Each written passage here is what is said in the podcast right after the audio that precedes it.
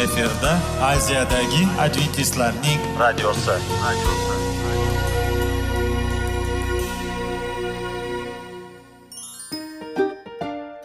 assalomu alaykum radio tinglovchimiz dasturimizga xush kelibsiz va bizni tinglayotganingizga sizdan judayam minnatdormiz bugungi bizning dasturimizning nomi sog'liq daqiqasi deb ataladi va biz sizlarga bu dasturda mevalarning foydasi haqida so'zlab bermoqchimiz ya'ni uning tarkibi uning tarixini va foydali xususiyatlari haqida. Aziz do'stlar mevani iste'mol qilish kerak ekan va biz boshladik ketdik. Sog'liq daqiqasi soliqning kaliti qiziqarli ma'lumotlar faktlar. Har kuni siz uchun foydali maslahatlar. Sog'liq daqiqasi rubrikasi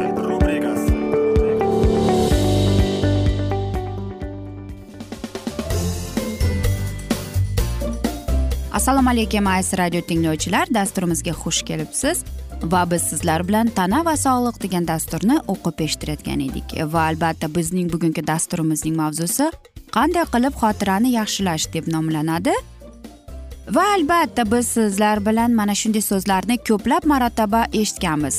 E, men yomon emasmi? Faqatgina mening xotiram yaxshi deb. Albatta mana shunday so'zlarni eshitganimizda biz o'zimizni boshqacha tushunamiz. E, lekin biz bu bizning xotiramiz yaxshi deb maqtanish emas. Lekin ko'plab hozirgi e, odamlar yomon xotiraga shikoyat qilishadi. Keling biz bugun sizlarni tinchlantirmoqchimiz.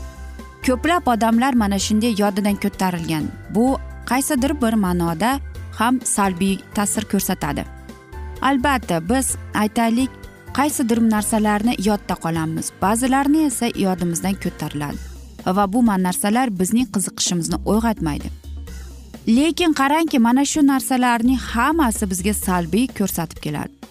Ba'zida esa e, bir tadqiqot shuni ko'rsatdiki qanchalik odam ulg'ayib va katta bo'lgan sari uning xotirasi ham xuddi shunday bo'ladi. Nima qilish kerak deysizmi?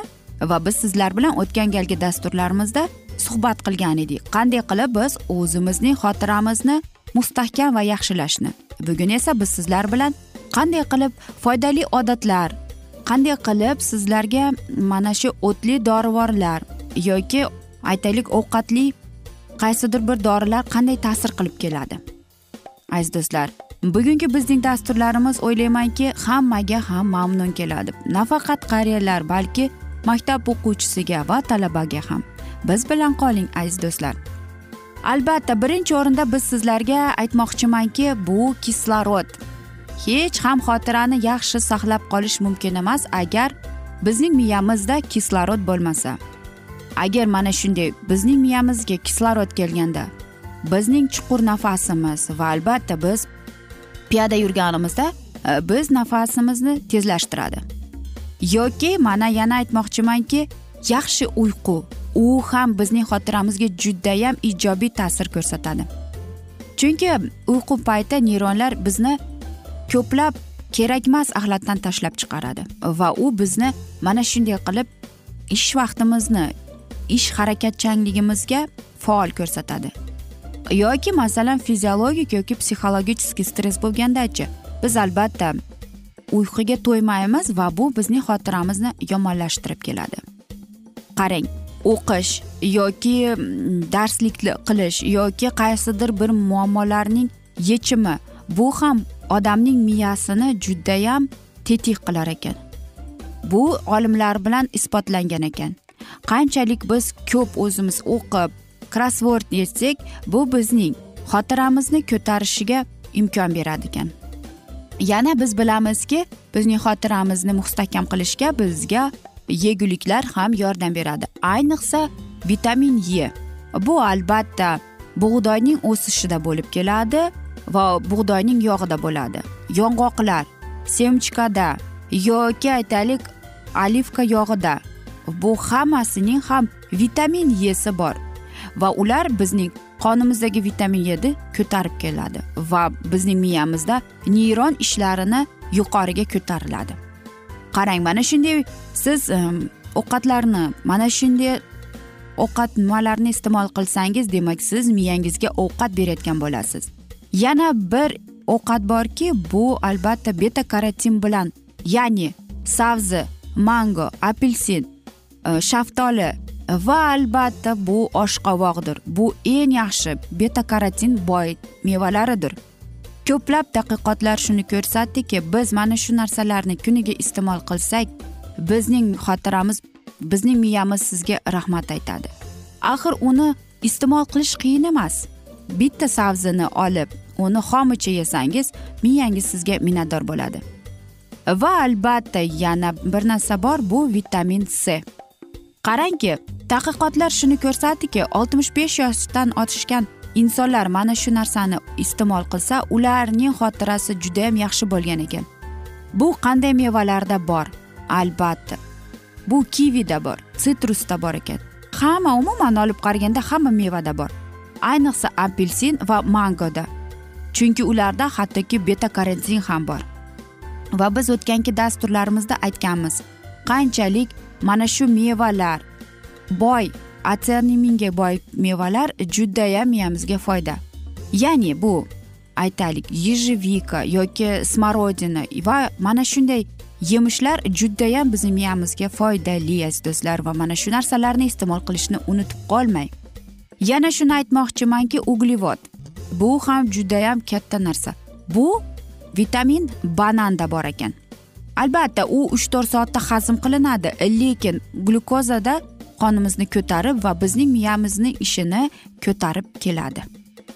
Va albatta ko'plab qarangki bizning miyamizga beradigan kislotalar bu omega uch ya'ni bunda biz baliqda bor. Yer yong'oqda bor va soyada bor ekan. E, va ko'plab tadqiqotlar shuni ko'rsatdiki e, melisa va hattoki shalfeda ham bizdagi bo'lgan xotirani yaxshilab qoladi. Albatta biz o'ylaymizki bu foydali emas deb lekin mana shunday siz damlab ichgan kuniga ikki yoki uch piyola choy ichsangiz siz o'zingizning miyangizga va xotirangizga rahmat deb aytib qolasiz. Aziz do'stlar oxirida aytmoqchimanki ko'plab mana shunday vitaminlarni iste'mol qilsangiz siz o'zingizni xotirangizni yaxshilab qolasiz. Shuning uchun sizda tanlov bor. Va biz sizlarga katta va chuqur sog'liq tilab qolamiz. Va afsuski bugungi bizning dasturimiz yakunlab qolamiz chunki dasturimizga vaqt birozgina chetlatilgani sababli ammo lekin keyingi dasturda albatta mana shu mavzuni yana o'qib eshittiramiz. Va albatta sizlarda savollar tug'ilgan bo'lsa biz sizlarni salomat klub internet saytimizga taklif qilib qolamiz va albatta oilangizga hammangizga tinchlik totuvlik va eng birinchi o'rinda sog'lik tilagan holda xayr sog' bo'ling deymiz.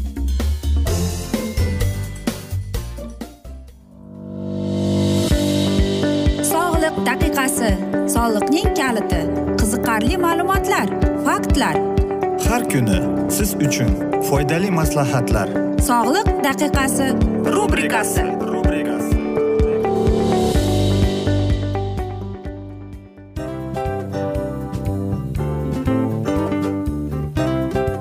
mana ha hayotda hamma narsaning yaxshi narsalar tugaydi va yakunlaydi degandek bizning dasturimizga ham yakun keldi.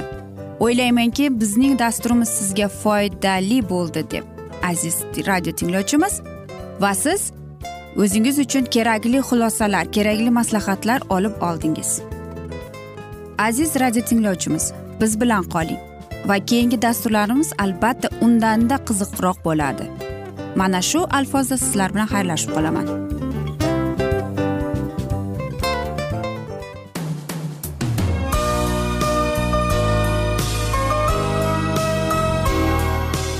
Efirda aziyadagi adventistlarning radiosi.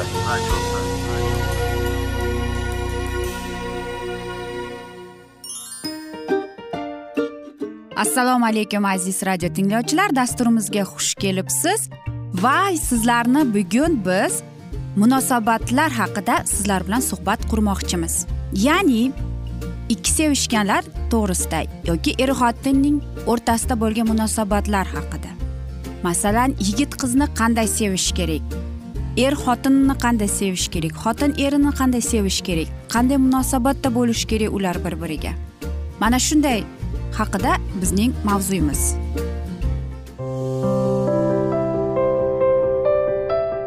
Har kuni har xil kasbdagi odamlar bilan sirlashish va bo'lishish. Sevgi rashq munosabat bularni hammasi dil izhori rubrikasida.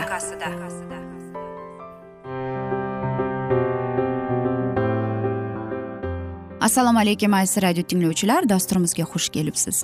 Va biz sizlar bilan erkaklar marsdan ayollar veneradan degan dasturni o'qib eshittirayotgan edik va bu dasturlarda biz sizlar bilan munosabatlar haqida suhbat qilayotgandik.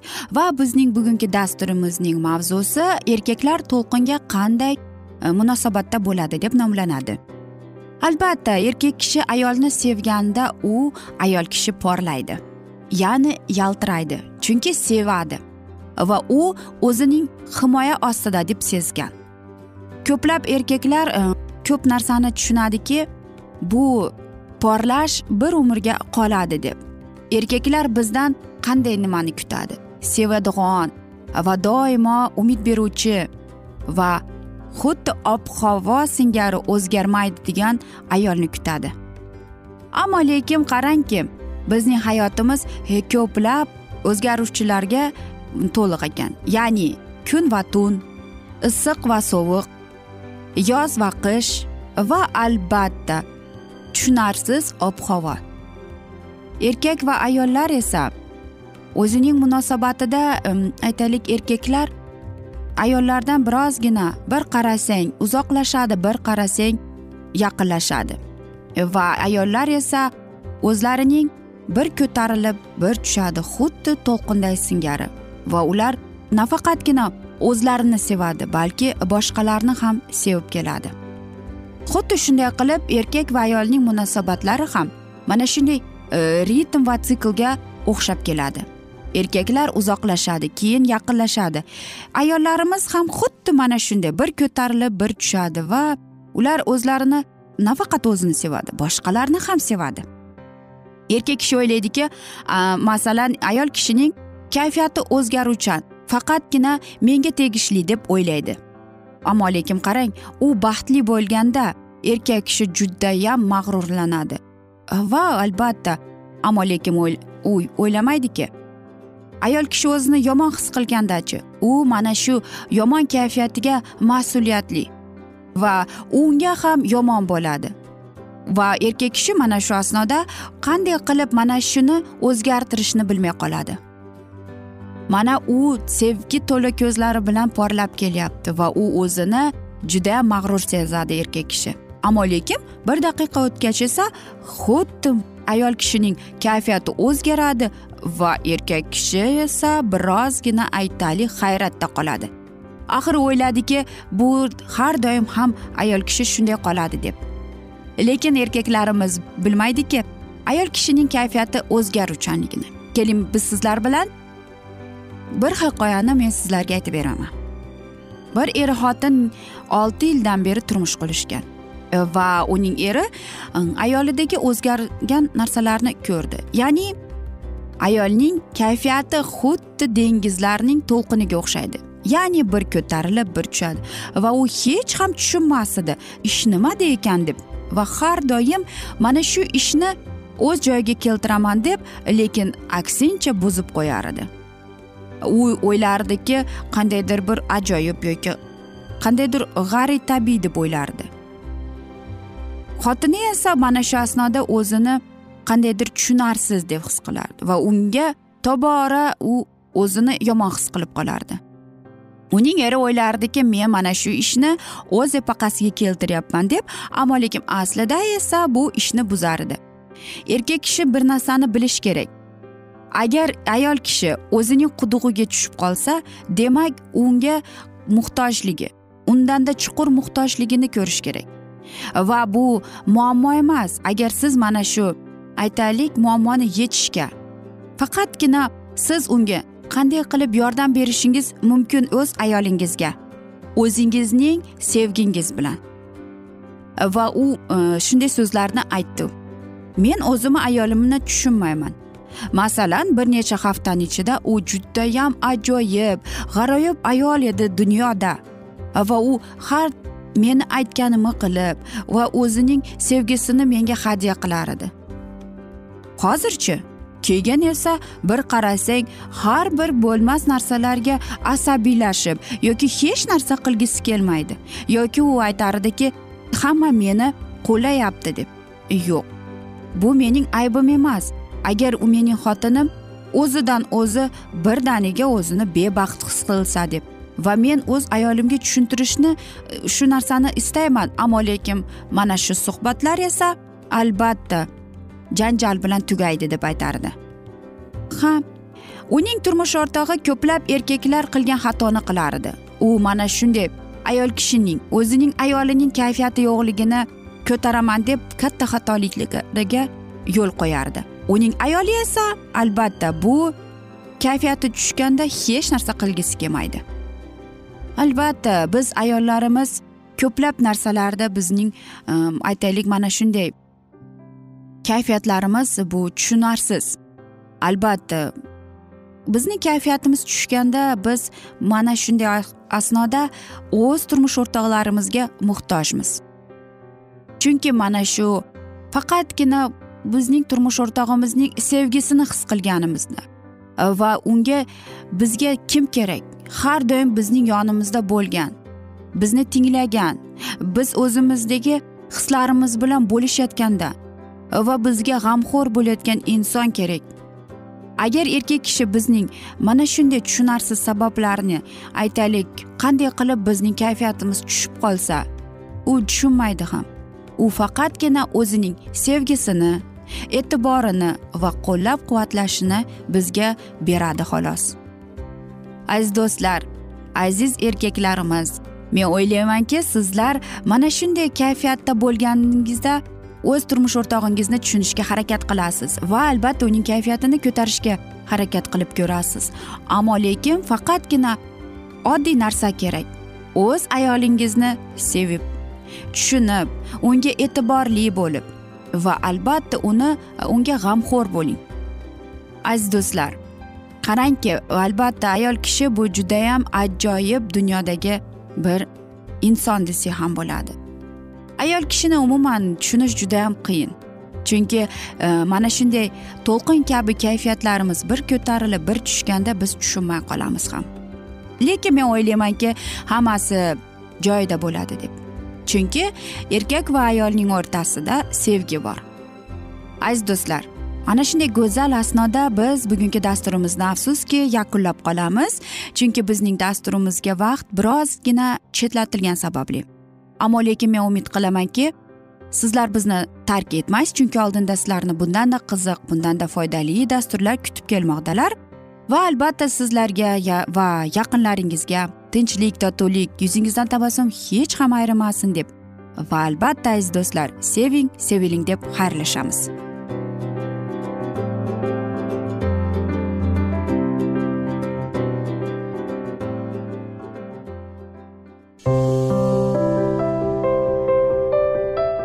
Har kuni har xil kasbdagi odamlar bilan sirlashish va bo'lishish. Sevgi rashq munosabat bularni hammasi dil izhori rubrikasida. Mana aziz radio tinglovchimiz bizning go'zal va foydali va chiroyli dasturimiz yakunlanib bormoqda. Sizlarga birozgina maslahat berib o'tmoqchi edik.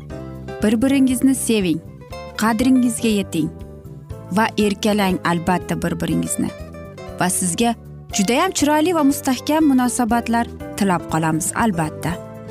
Sevgilingiz doimo yoningizda bo'lsin. Mana shu borada sizlar bilan xayrlashib qolamiz. Xayr.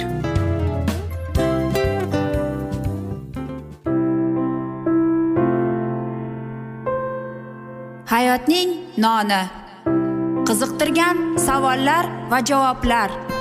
Buning hammasi ko'ngil uchun oziqa rubrikasida.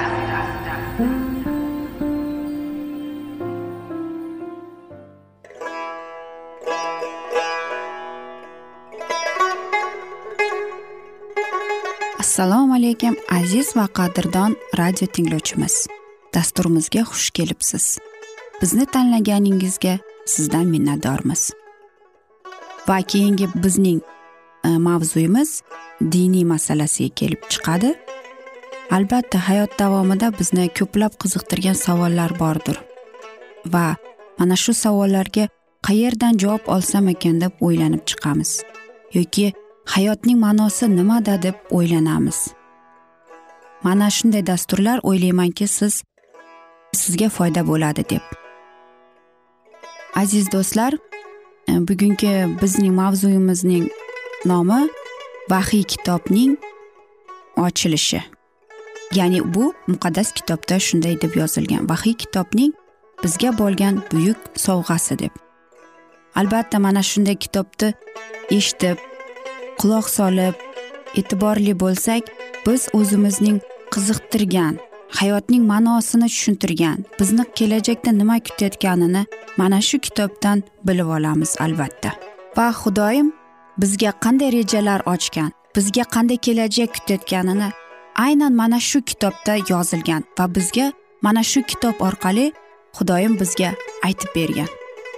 Keling aziz do'stlar mana shu kitobni e'tiborli va yaxshilab quloq solib va chuqurroq nazar solaylik shu muqaddas kitobga. Assalomu alaykum aziz radio tinglovchilar. Dasturimizga xush kelibsiz va biz sizlar bilan ulug' kurash degan kitobni o'qib eshittirayotgan edik. Va bizning bugungi dasturimizning mavzusi fransiyada uyg'onish deb nomlanadi va biz sizlar bilan o'tgan galgi dasturimizni bugun davom ettiramiz. Berken yana qo'lga olindi. Xuddi shu paytda qirol parijda emas edi. Rohiblar erkin harakat qila olardilar. Islohotchini hukm qilib o'lim jazosi berdilar. Fransisk birinchi uni qutqarishga aralashmasin deb hukmni tezlik bilan ijro etishga qaror qildilar.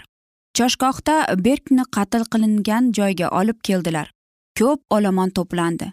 Ko'pchilik xavotirlik va hayrat bilan shuni bilardiki papachilarning qurboni fransiyadagi eng yaxshi va oliyjanob xonadonlardan birining vakili ekan.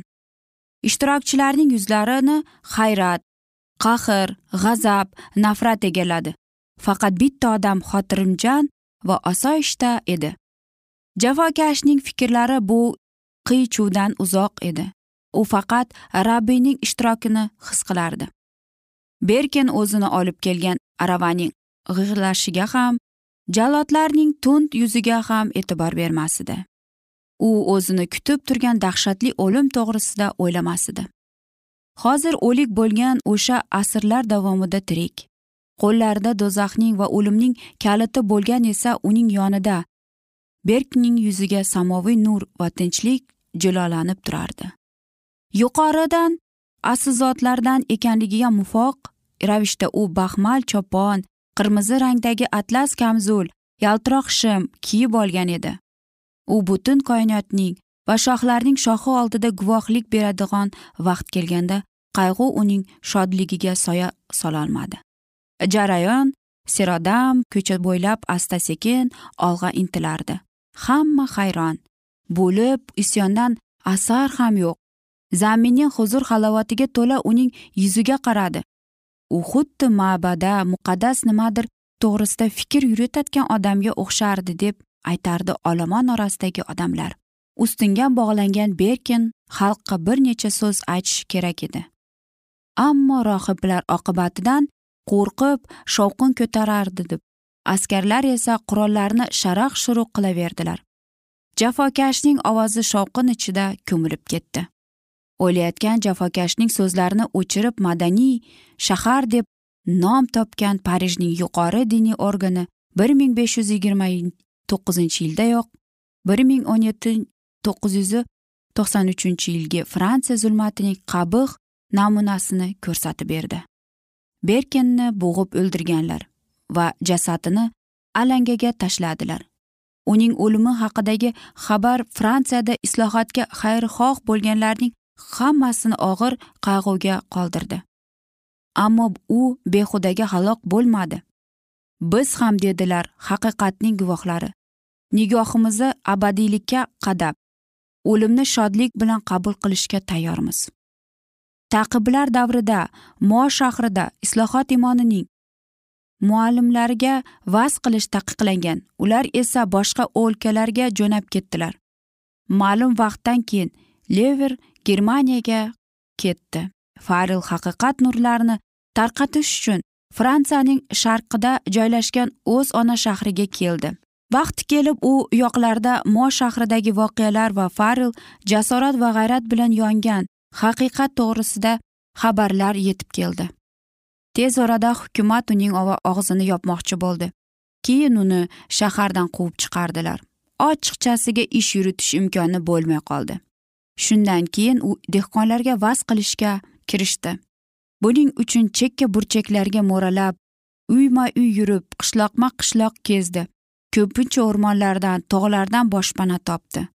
Bolaligida bu yerlarda ko'p marta yashiringan edi. Xudo uni buyuk sinovlarga tayyorladi. Meni ogohlantirgan xoch taqiblar va iblisning kirdikorlari dedi u. Dahshatli va mening kuchimdan ortiq ekan lekin otam xudo menga kuch ato qildi. Imonim komilki bu kuchi menga hech qachon tark etmaydi deydi.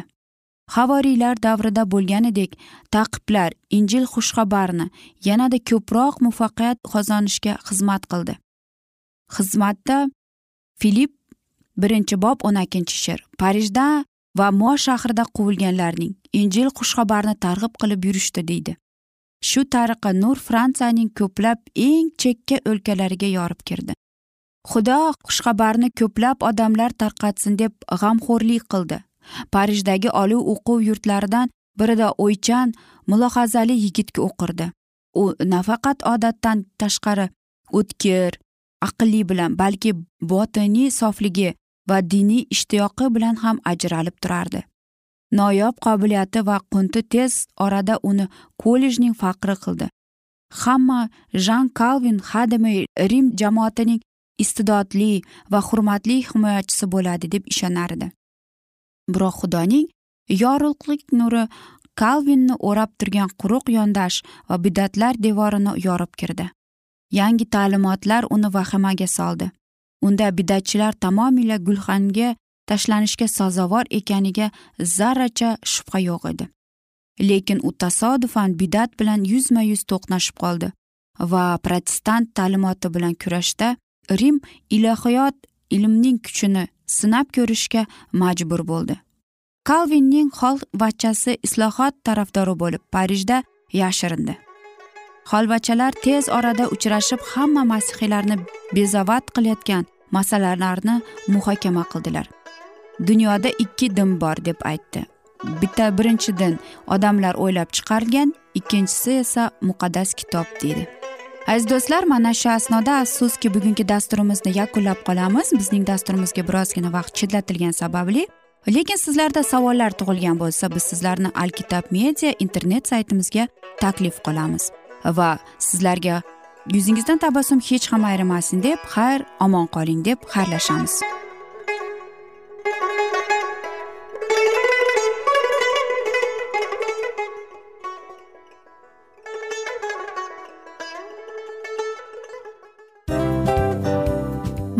Aziz radio tinglovchimiz hamma yaxshi narsaning yakuni bo'ladi degandek bizning ham dasturlarimiz yakunlanib qolmoqda.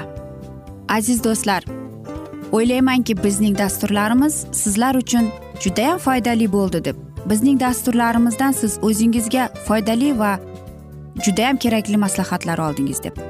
Masalan sog'liq borasida. Biz sizlarga sog'liq tilaymiz albatta lekin bizning maslahatlarimizga ham amal qilishga unutmang. Munosabatlarga kelganda bu munosabatlar chuqur va yaxshi bo'lishi uchun uni ustidan ishlash kerak albatta. Diniy masalaga kelsak aziz do'stlar bu judayam jiddiy va chuqur nazarni talab qiladi. Ammo biz sizlar bilan xayrlashib qolmaymiz keyingi dasturlarda eshittirishimizni davom ettiramiz va sizlar bilan mana shu yaxshi kayfiyatda xayrlashib qolamiz. Va keyingi dasturlarda ko'rishguncha xayr!